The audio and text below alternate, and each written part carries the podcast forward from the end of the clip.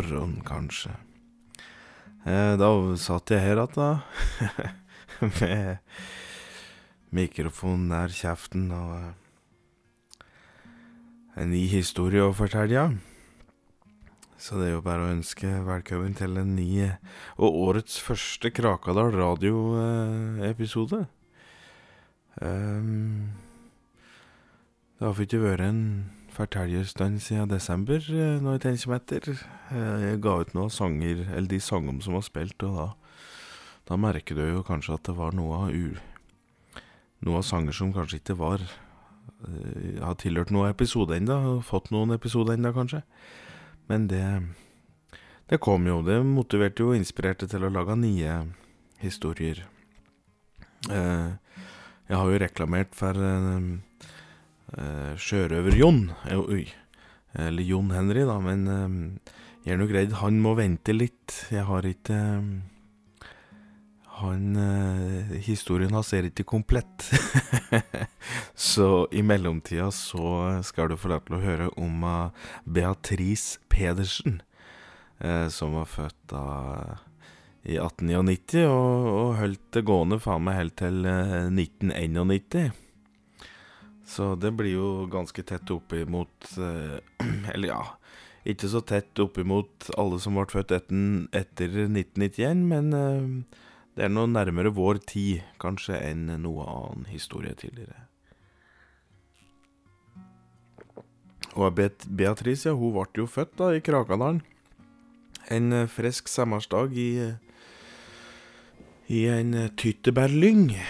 For det mor hennes av Dagrun hun var ute med venninna si og plukket tyttebærblader og tyttebær for øvrig, da, den, den dagen. Men Beatrice hun ble jo født ganske sjuk, dårlig. Og etter den andre dagen sin på jorda, så begynte hun å kaste opp. Og Dagrun syntes jo at dette var skummelt, så klart, så hun tok med seg Beatrice til jernbanestasjonen, som var på Flisa i Solør. Og så tok hun toget helt til sykehuset i Oslo. Eh, Inni togkabinen da, som de ble sittende på, der satt jo òg to gubber, og de, og de hjalp til så godt de kunne med å tørke opp gulv og vindu etter at Beatrice hadde kastet opp og spydd ned hele jævla kabinen der, vet du. Og Dagrun hun var jo evig takknemlig. Og, og som belønning da, så ga dem eh, ti øre hver. Som, som en takk, da. Enda hun hadde bare 40 øre totalt med seg på turen. Det viste seg heldigvis at det var vanlige omgangssjuke som herje i den lille skrotten til Beatrice. Eh, men mor Dagrun hun hadde jo aldri hatt unger før, så hun, tok, kunne ikke, hun torde ikke å ta noen sjanse eh, på det. Så det var for, det var for greit at hun, hun, kom seg til sjukehuset. Og Beatrice hun fikk ligge på sjukehuset i Oslo da i, i, i tre dager, der doktorer bidro og hjalp til så hun ikke var dehydrert, og, og, og sørge for at altså, hun fikk oppfølging da, før de sendte henne hjem igjen. Og da de kom fram til togstasjonen på Flisatte, da sto Dagrud sin mann, eh, som da var Beatrice sin far, så klart, en Arnulf, med heste, hestekjerra si, og klar, vet du, skulle plukke dem opp. Uh, og han var lett over at turen til Oslo hadde gått bra, for du vet, han hadde hørt det, vet du, at det var, det var jo så hinsides med rotter vet du, som gnagde på folk i gata og slik i Oslo på den tida der. Um, og uh, ja. Nei, så han var, han var uh, utrolig fornøyd med Med at kjerring og unge kom, kom attende med Kanskje bare Eller friskere enn de var, i hvert fall Beatrice var det. Um, ja, Beatrice hun hadde en uh, fin barndom, egentlig. Hun, uh, hun var med av Dagrun ute i skogen hver sommer. Plukket tyttebær, blåbær, multebær, eh, jordbær. og på høsten da var hun med far sin Arnulf og rødde skogen som hun hadde vunnet over et slag poker i, da han var ungdom. Ja. Og Beatrice hun var godt likt av de fleste da hun begynte på skolen, og det gjorde hun da i en alder av sju. Men det var da noe som skjedde med Beatrice når hun var åtte. For det, det var én ting eh, som hun hadde ønsket seg helt siden hun var seks år gammel. Og det var en uh, rockering. En eh, bambusrockering. Og du vet, rockeringa på den tida, de, de var jo laga av bambus. Det var ikke noe plast slik vi har i dag. Så det var, det var bambusrockering. Og hun hadde da spara 70 øre til en bambusrockering som kastet 65 øre hos gamle Eriksen, som hadde en gammel landhandel ved Bjørkegården borte på Kjellmyra der. Og hun tok beina sine fatt en solfylt junidag i 1907, og, og gikk de 28 kilometera det tok å gå for å komme til gamle Eriksen sin landhandel. Og hun kjøpte seg en splitter ny bambusrockering. Um, på turen tilbake til Krakadalen, da hun gikk nedover Unigropa, som var en diger bakke inne på Finnskogen der, da kom det to eldre jenter, og de gikk på ungdomsskolen. Og de kom da siklende nedover. Og Beatrice hun så seg ikke ordentlig fæl, da, så hun gikk jo midt i veien mens hun prøvde bambusringen sin. Og da krasjer jo de eh, jentom i av Beatrice, og alle tre endte jo opp med skrubbsår på albuer og knær, og, og bambusrockeringen den knakk i to. Eh, Jentom de var jo da noe helvetes forbanna, vet du, rasende, vet du, på vesle Beatrice. Så de eh, Da Beatrice lå på bakken der, så, så ga de jo rett og slett en uh, omgang juling. De sperka henne i magen og hardt, så hun kastet opp frokosten sin på grusen. Og Beatrice hun reiste seg opp etter hvert, og og etter at de jentene hadde siklet, og så gikk hun de resterende kilometerne med blodige skrubbsår og blodsmak og spysmak i munnen, og med da den knekte rockeringen i nevene. Og med en gang hun kom hjem til huset sitt, så gikk hun ut i snekkerbua til far sin og fant limbånd som hun brukte til å feste de brekne endom, altså de brukkede endene på, på rockeringen sin. Eh, og Så gikk hun ut og brukte resten av sommeren på å øve seg til å bli best mulig til å rocke.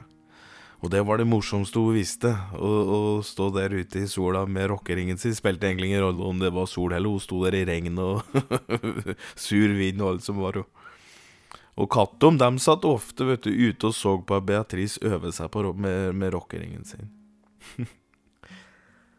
eh, og når Beatrice var 17, da da møtte hun en kær, han heter Sivert. Han var en jævel på kassegitar, vet du. Skrev fine viser som, som gjerne handler om kjærlighet. Og en vårdag da Beatrice hadde blitt ferdig med skoledagen sin, så, så havnet hun inn på et bedehus som hadde kaveringskveld med lokal, uh, lokal alkohol og deilig og fresh gårdsmat. Uh, for hun hadde hørt da at noen skulle spille musikk der og den kvelden, og hun hadde jo aldri hørt musikk før, så hun tok turen og Sivert han spilte en sang som han kalte blomsterjenta. Og når Beatrice hørte den, så ble hun så forelska. Eh, og dette er ganske tidlig i episoden, men, eh, men eh, eh, jeg tror rett og slett vi skal kjøre på denne Eller at jeg skal kjøre på denne sangen der. Eh, når jeg sang den, så så, så satt jeg i en i Åsneskjerka da jeg spilte inn denne sangen. For jeg var jo I min ungdom, tru det eller ei, så var jo jeg um, slik kjerke... Um, pleier, holdt jeg på å si. Jeg var jo ikke det. Men jeg jobber på en kjerkegård med med å kløppe gras og luke bed og lese pornoblad til han som egentlig var kjerketjener. Det var jo det jeg gjorde. Uh, men det var mye fritid under arbeidsdagen, for du veit, plenen kunne jo for faen ikke klippes hver dag, så da satt jeg da inne, i, inne på kjerka og enten spilte orgel, eller så spilte jeg gitar. Så dette opptaket det er gjort da inne på Inne på uh, Åsneskjerka. Uh, da jeg var 14 år. Uh, 13 var jeg kanskje. så, men det skal du i hvert fall få høre her før vi går videre med Beatrice Pedersen.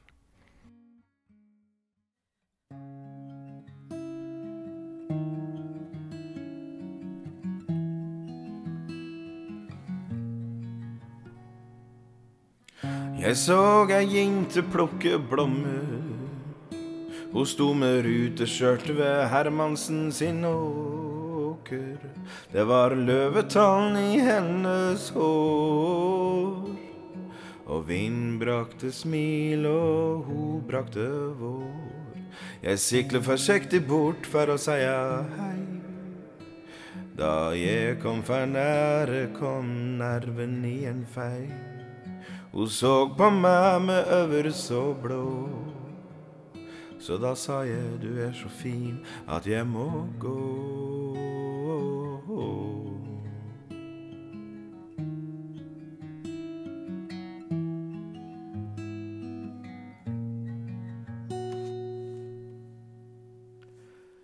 Jeg siklet noen meter og snudde fort.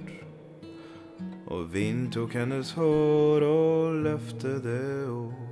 Da jeg kom tilbake, smilte hun like pent. Hun sa jeg var redd du var borte, du trenger ikke være anspent. Jeg mister ratteturen-neva og sikkelen datt i bakken. Hun lo så rått at jeg fikk frysninger i nakken. Så la vi oss i blomsterenga til månen kom.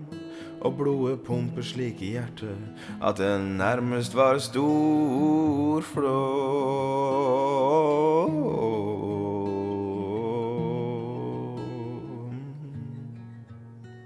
Så låg vi der under åpen himmel.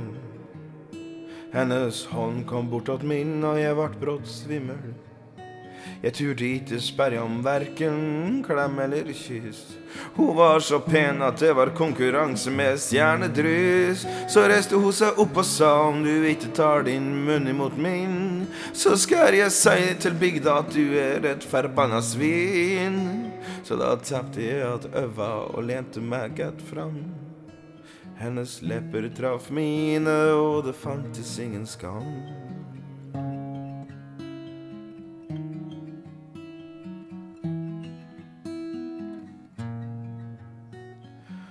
Ønsket mitt var at morgenen aldri kom.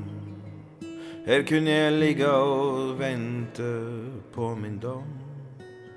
Da månen var på hell og sola juste litt, reiste jenta seg opp og sa hun hadde noe å bli kvitt. Ingen svar kom da jeg spurte her det var. Men jeg skjønte raskt at hun hadde en annen kar. Hun sa adjø mens jeg lå blant gras og blommer. Jeg svarer at jeg venter her til du atter kommer, så vi får sjå. Ja, vi får sjå.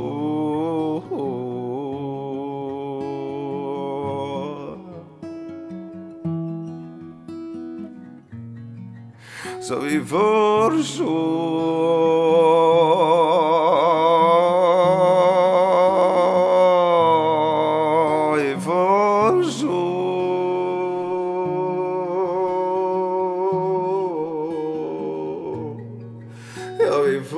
Sjå.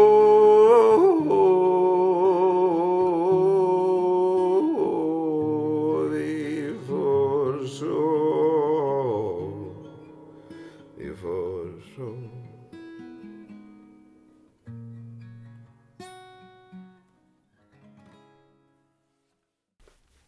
Ja. Slik gikk sangen, da, som en Sivert sang i bedehuset inn på Krakadalen den dagen. Eh, og utpå den kvelden, og 22 enheter seinere, da ble Beatrice i slaget, vet du, så hun gikk da bort til Sivert for å si at hun syntes han var så flink til å synge. Og han ble rød om kjaka, gitt, for han var, du vet, han var ikke særlig komplimentsvant, han. Så han tok henne i nevene, og så sa han tusen takk. Og ikke mange dager etterpå så satt Beatrice ute i en robåt ute i Krakadammen, for hun skulle fiske inn litt gjedde så de kunne ha gjeddekake til middag. Det var hennes mor Dagrun sin bursdag, vet du, og gjeddekaker det var nemlig det likeste hun visste. Og mens Beatrice satt eh, ute og fiske, så kom det jo en annen robåt bortåt, og i den så satt den jo Sivert med en diger fiskestong, vet du, og så sa han jaså, du er ute og fisker litt? Ja da, fiske må man gjøre om man skal ha mat i terma, svarte Beatrice. Og Sivert han ble da bare sittende og, og, og skatte på Beatrice med et rart uttrykk i ansiktet, før han sa da Ja, fisk er godt. Ja, svarer Beatrice. Fisk er godt. Har du fisket mye? Spurte Sivert. Nei, tre ganger for sju år siden, fire ganger for seks år siden, en gang for fem år siden, og så var det på vinteren, og 13 ganger for fire år siden, ja. Eh, Åtte ganger for tre år siden, fire ganger for to år siden, og i fjor da fisker ingenting. Og i år da jeg fisker bare én gang så svarer Beatrice da. Du har fisket litt, i hvert fall, svarer Sivert da, og da hadde han et rart glis om kjeften da, vet du. Har du fisket mye da? Spurte Beatrice. Fiske mye i barndommen, men dette er første gang etter at jeg gikk ut og skogula jeg fisker. Hen gikk du på skole, da? Jeg gikk eh, først sju år på Felkeskolen, og så fortsatte jeg med bibelutdanning i Åkerhamn etter det. Jeg er så glad i Jesus, ser du, sa Sivert. Åkken er Jesus, da? spurte Beatrice. Jesus Kristus? Altså Guds enbårne sønn? Jeg veit du ikke hva det er? spurte Sivert, da. Utrolig forundret var han nå, vet du. Jesus Kristus, Guds enbårne sønn. Kristusslekta kan da ikke være herifra, i hvert fall, for jeg, jeg har aldri møtt noen som heter det, i hvert fall. Det bodde en som heter Johan Kristiansen her for en stund tilbake, men det var ingen Kristus. Og Gud Kristus, det høres det Han må da komme fra Finland eller Moldova, han kommer, kommer derifra? undra Beatrice på, da. Sivert han så ned i vannet og lurte på hvor han skulle binde forklaringa si, før han til slutt begynte. Gud, han eh, er alt. Han er havet, skogen, himmelen og universet. Han er den som har skapa jorda vår. Han, han er den som har skapt mennesker i sin helhet, slik vi i dag er. Og når du står på dødens trapp, så er det han som vil dømme deg ut ifra hvordan du har levd ditt liv, om du skal til himmelen eller helvete, sa Sivert. Du mener fanden, du, sa Beatrice. Fanden? Nei, fanden er jo den onde engel Gud forviste for lang tid sia. Ja, kan kanskje hende det, men fanden, han, han bor borti kjennet der borte, han. Og jeg, jeg tror ikke du kommer så langt med å diskutere med han om du skal opp eller ned, for han, han bare tar deg med, han. Hen han tar oss med, det aner jo ingen, da, men det spiller for ingen rolle. Vi kan jo ikke bo på jorda for alltid uansett. Bor fanden borti der, sier du? Spurte Sivert. Ja, vi kan ro bort, høre om han kjenner til Jenshus og, og Kristus. Du veit, kanskje han kjenner Gud Kristus òg, vet du, fa, fa, han for alt jeg veit, det kan hende han gjør, sa Beatrice. Sivert han så jo ikke ut til å ville reise bort til fanden. Han hadde, eh, han hadde vært i Krakadal nok til å skjønne at det bodde mange raringer i bygda. Eh, om det kanskje ikke var selve fanden som bodde ved tjernet der, så kunne det jo fort være en eller annen gæren gubbe, vet du, med påsydde hover og ei øksen var glad i, vet du. Og etter ei lang tenkepause, da ble det brått Da ble det brått avbrutt ved at eh, Beatrice hun fikk fisk på kroken. Og etter at hun fikk opp tolv kilo sida, så sa hun takk for praten, og så dro hun hjem igjen for å feire sin mor med gjeddekaker og sprit som var brent av far Arnulf. Og utover den kvelden, da, så Da kom jo en Sivert bankende på huset til Beatrice og familien og, og lurte på om Beatrice ville bli med og gå en tur. Og det hadde hun ikke lyst til. Men hun sa at en Sivert kunne komme inn og få litt gjeddekaker. Kanskje høre om hennes far eller mor hadde møtt Rud, Ruud Vristkrus eller Jenshus og Listmus. Mener du Gud Kristus og Jesus Kristus nå? spurte Sivert bare for sikkerhets skyld. Og det stemte. Beatrice unnskyldte da med at hun var dårlig med navn, men det, men det gikk visst bra. De satt rundt kjøkkenbordet og skravla og lo, men, men da Sivert begynte å, å forkynne Guds ord, da tok en far Arnulf knyttneven og drog til Sivert alt han kunne midt i trynet. Min mor var Jesus frelst, og min far var dommedagsprofet. Ikke faen om du får lire tull av fantasi og villfarelse i mitt hus. Og om du, mi datter, drar inn etter fersmådde sinn, så skal jeg rive tull av ballom og henge dem på ei grind, og øva dine skal jeg stikke ut så du blir blind, og så skal jeg henge deg opp på spikerveggen av Sandfinn. Slaget som Sivert da hadde fått, det hadde gitt den en, en hjerneskade. Ingen som klarte å skjønne her dette var, men helt klart en hjerneskade. Men hver gang noen da og, Eller menn, skal jeg Altså, hver gang etter dette her Hver gang noen nå sa Jesus Kristus, da begynte Sivert å sutte på tommelen sin mens han sa Ikke riv av meg ballom og heng meg opp på Sandfinn. Sivert snill, Sivert snill gutt. Ja, Beatrice hun fikk jo så vondt av han. Så hun, eh, hun Ja, altså, hun kjente jo litt på samvittigheten da, etter at Arnulf hadde skrelt av den såpass, så hun eh, Hun så ingen annen utvei enn å, enn enn å uh, gifte seg med rett og slett. Og sammen så fikk de to unger, Lea og Kåre. Og når Lea og Kåre var seks og tre år gamle, så døde Sivert av at han fikk en infeksjon etter et eh, beverbitt han dro på seg, for han prøvde å stjele noen trær som bever Bråten hadde felt. Og bever Bråten, det var den største beverjævelen i Krakadalen på den tida, med sine 42 kilo, og han holdt til i småbruksdammen, som ikke var så langt unna der Beatrice og Sivert bodde. Og det var sørgestund i, i lange tider før Beatrice uh, skulle møte en nik her. En Julian Andersson fra Malung i Sverige. Julian han var eh, sjarmerende uh, ved første blikk. Eller første øyeblikk. Men like etter at Beatrice tok henne i hus, så skulle det vise seg at han var en jævel av de sjeldne. Han uh, slo Beatrice om maten ikke var bra nok. Som for eksempel da den gangen de hadde Dagruns 83-årsdag i 1936, og far Arnulf han hadde glemt å salte gjeddekake om. Du veit, da gikk en Julian i flint vet du, og slog ned Beatrice framme av familien så tenner lå strødd utover kjøkkenbordet. Unga som da var 13 og 10, dem sprang rundt og skreik med gråten i hersen. Og når far Arnulf da skulle bryte inn, da tok hun Julian og skrelte den så hardt at Arnulf dro på seg en liten hjerneskade som da skulle sørge for at hver gang han hørte orda gjeddekake eller salt, da la han seg ned og grein tre centiliter tårer mens han sa unnskyld, Beatrice, unnskyld. Etter tre år med mishandling, da fikk Beatrice nukk. Hun hadde ikke lyst til å få mer juling, så hun lånte nabo Lorentzen si hagle og truer Julian på livet. Kommer du deg ikke ut ur mitt hus, så skiter jeg ballom av deg og eter det som kveldsmat. Da pakken Julian kufferten sin, gitt, og skulle til å si farvel da det gikk opp for Beatrice at hun ikke kunne dy seg likevel. Så hun rette hagleløpet mot underlivet til Julian Andersson ifra Malung og skjøt tur både pekk og pung, gitt og langflatt lå herr Andersson fra Malung ut på grastunet utafor Beatrice sitt hus, og han grein og han grein og han grein. Det er jo fælt å le, vet du, men fy faen, her denne kæren grein. og han var, han var, livredd for å bruke neva for å kinne etter hest egentlig sto til nedi der. Hele Krakadalen visste hva slags jævelskap Julian hadde bidratt med i Beatrice sin familie. Så da doktoren kom for å hente Julian, så tok de bare og la han på ei hestekjerre som skulle til Rørbeksnes, som var like over grensa. Så kunne de som skjønte svensk, få ta seg av han.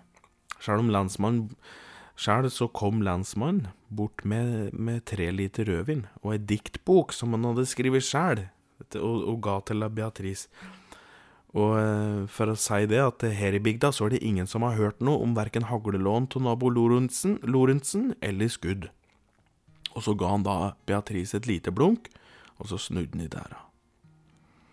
Men da spurte Beatrice om ikke lensmannen ville bli med og dele rødvinsflaska, og det var ingenting som ville glede ho mer enn om forfatteren av boka sjæl ville lese dikt for ho på en slikken kveld som denne.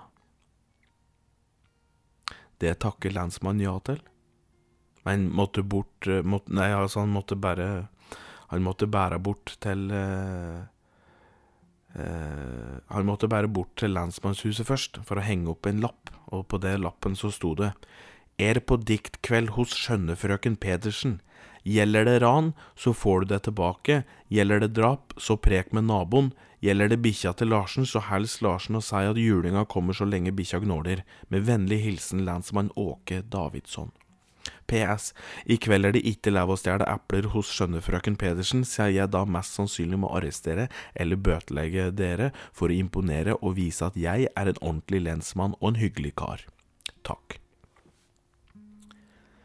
Og det måtte jo gå som det måtte gå, det. Det ender jo med at Beatrice og Åke dem gifter seg.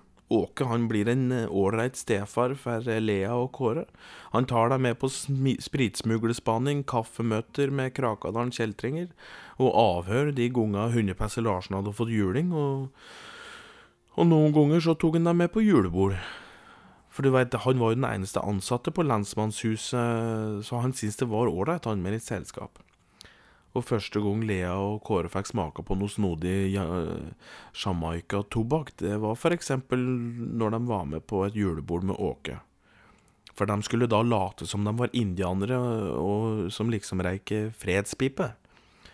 Eh, Åke hadde jo ikke noe vanlig tobakk igjen, men han fant noe da Jamaica-tobakk som han hadde beslaglagt av gamlefrøken Berntsen, som hadde vært, vært, på et gammelt fiskecruise borti Karibia etter at hun skilte seg da i en alder av 73, i 1954. Da var jo Beatrice 53 år gammel. Og hennes barn var Altså Lea og Kåre, dem er jo da 36 og 33. Nei, for faen, nå, nå, nå tuller jeg fælt. Uh, altså, hun kjerringa, frøken Berntsen, hun skilte seg i en alder av 73. Det er greit nok. Men i 1954, når Beatrice er 53 år gammel, og Kåre og Lea er 36 og 33, så dør Åke i en skuddveksling inn på skogen, der det For det oppstår misforståelse på Åke som var kriminell, og Åke som var elg, under elgjakta. Åke han hadde jaktet to kjeltringer som heter Ronny og Raymond, mens Krakadalens jaktlag de jakter på elg. Og etter at de hadde drukket så jævlig mye brennevin på post, vet du, så var det jo jækla vanskelig at det å skulle skille mellom menneske og elg. Så når Ronny og Raymond kom springende mens de skjøt på Åke, som kom springende bak dem Og, og, og, og Åke, han skjøt jo på dem igjen, vet du, og da skvatt jo jaktlaget til, vet du, og trodde elgen hadde rest på en helvetes evolusjon det siste året, så de reste seg på alle fire satt på, som, som satt på post rundt. Og, og, og, så stå, og, så så de på dem, og da skjøt de alle tre rett ned. Raymond, Ronny og Åke. Rett ned. Du veit, det ble jo et realt rabalder, da, når den der drapsgåta der skulle løses, for lensmannen, han var borte. Han var skutt. Og jaktlaget de var jo snydens, så da de kom til seg sjæl så var det jo og ingen som visste her som hadde skjedd. Så de antok at Raymond og Ronny og Åke hadde skutt hverandre i hjel. Og det førte jo til en slags gudestatus nesten hos de gutta, for de må jo ha skutt som et ville helvete og tålt enorme mengder hagl og bly før de segna om. Det skulle ikke være menneskelig, vet du, at de skulle skute noen så i filler, egentlig. Og da var det sørgedager i Krakadalen igjen, og Beatrice hun var på nytt alene i huset. Hennes unger hadde startet sine liv og fått egne kjærester og unger. Så Beatrice hun gikk alene gjennom resten av sitt liv. Mimret tilbake i gamle fotoalbum ved kjøkkenbordet mens hun drakk kaffe om morgenen og rødvin til kvelds.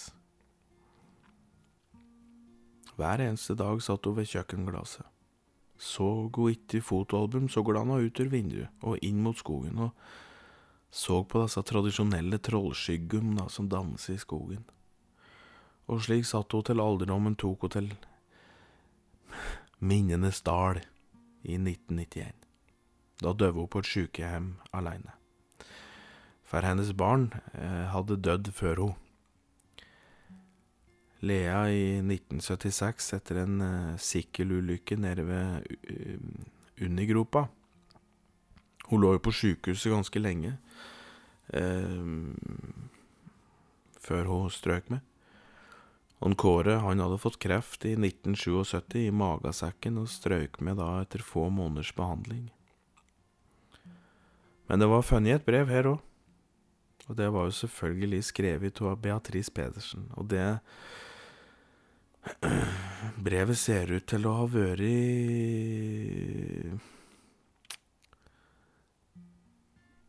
Et slags brev til datteren hennes, Alea.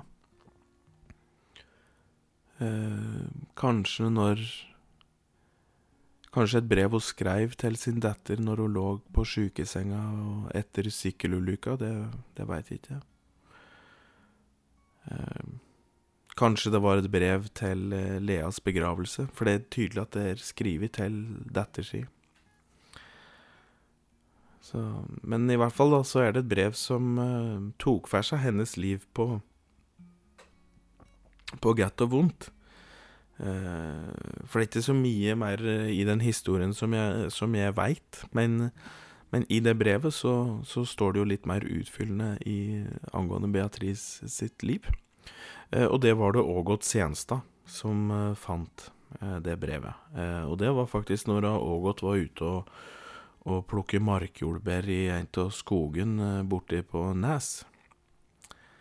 Hvordan hun fant brevet, det er jo ikke greit å si, men kanskje lå det under noe, noe Nei, jeg veit ikke.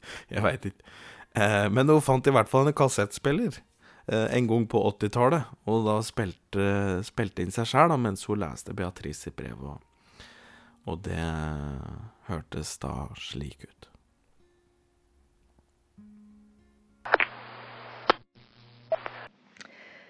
Kjære du.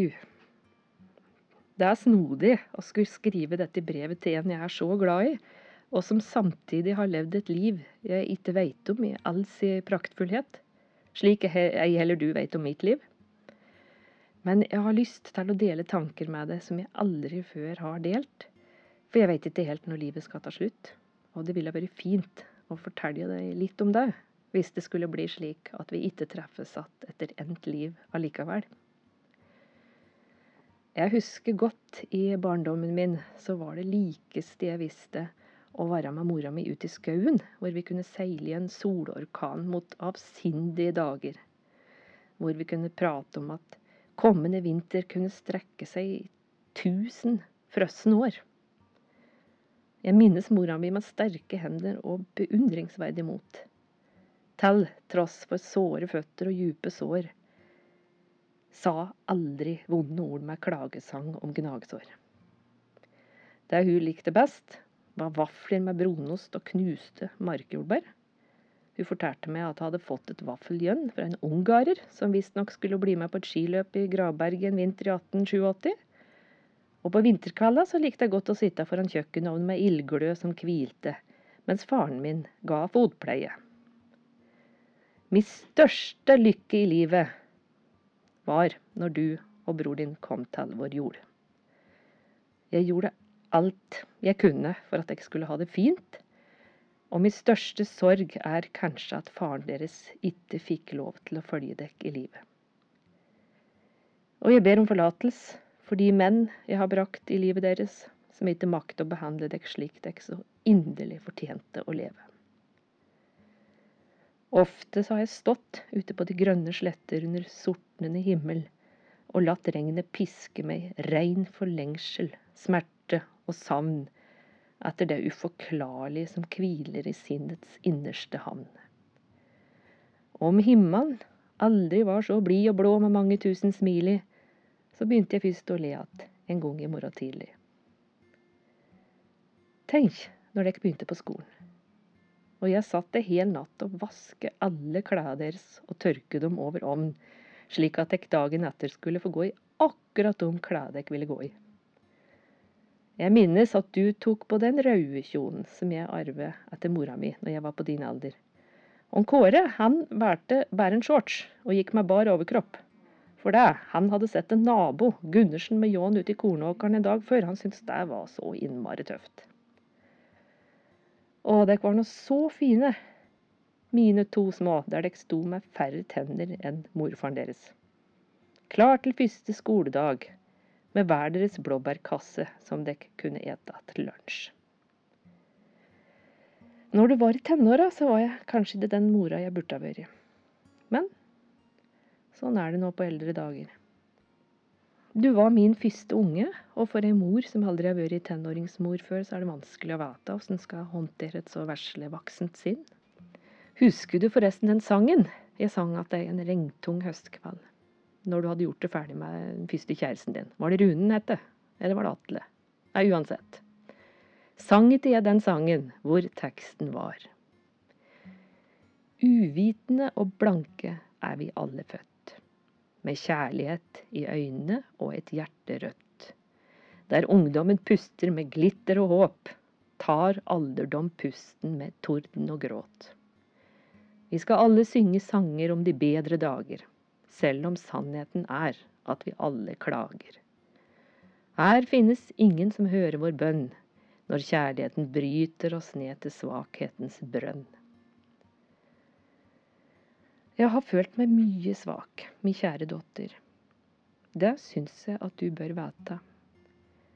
Jeg har alltid ville gjort det jeg kunne for at du og bror din skal ha det best mulig i livet, og i deres voksne år så har jeg òg gjort mitt, så dere skulle kunne ha færre bekymringer. Og så vil altså skjebnen ha det sånn at det er jeg som skal pines av bekymringer og sorg, hvor du skal måtte bøte for mine feiltagelser og omsorg. Når jeg skriver dette brevet her, så sitter jeg ved kjøkkenbordet, som jeg alltid gjør. Og her har jeg sett dekk etter frokost, lunsj og middag. Og kveldsmat, de gangene vi hadde mulighet til det. Her har jeg hjulpet dere og gjort lekser, og jeg har sett dere leke med alt fra syltetøykrukker til tøydokker. Og her satt jeg og hadde min siste samtale med mor og far i si tid, før de drog sin vei. De ble gamle rundt dette bordet, og dere vokste opp rundt dette bordet. Og mang en kar har sittet ved dette bordet, både gode og onde. Du veit ikke om de onde, og det trenger du ikke å vite heller. Men jeg håper at du har blitt godt behandlet i ditt liv ta menn. Det er en tragedie at enkelte menns stolthet fører dem ned i en sti fylt av ynkelighet og feighet. Vel, dette blir nok mitt siste brev.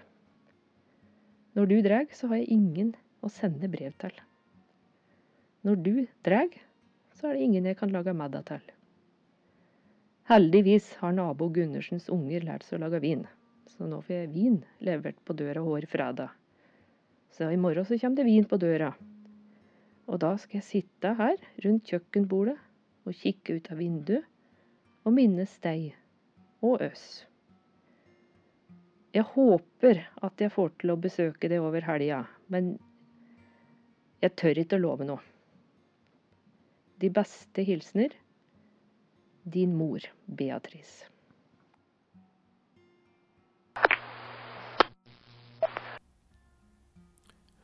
Og det var historien om eh, Beatrice Pedersen, rett og slett. Eh, det blir ikke så altfor lenge til neste gang. Du får eh, Eh, til det kommer mer Krakadal radio. Eh, eh, igjen, det er, det er moro å se at podkasten har levd sitt eget liv, eh, til tross for at de ikke har gitt ut noe på en halvannen måned. Eh, så det er bare stas. Igjen, det er eh, Jeg Facebook-gruppe, og, og, det er Krakadal radio på Instagram og slike ting. Det er klart det er bare det er ikke så mye oppdateringer, egentlig. Det er, det er, bare når nye episoder kommer ut, men jeg ser du abonnerer så du får full melding. um, ja. Eh, men jeg er utrolig, utrolig takknemlig for at du hører på. Det Ja, det har virkelig gått over stokk og steiner, altså. Så det er kjempemoro. Virkelig. Så med det ønsker jeg alle bare en uh, fin uke videre. Kanskje god helg hvis du har helg i morgen eller etter i dag. Jeg veit ikke. Uh, Sov godt hvis du ligger i senga og skal legge deg. Ha en Ja. Vi høres om, eh, om litt. Ut etter det så bare Det er bare å ønske alt det beste herifra uansett. Takk for meg.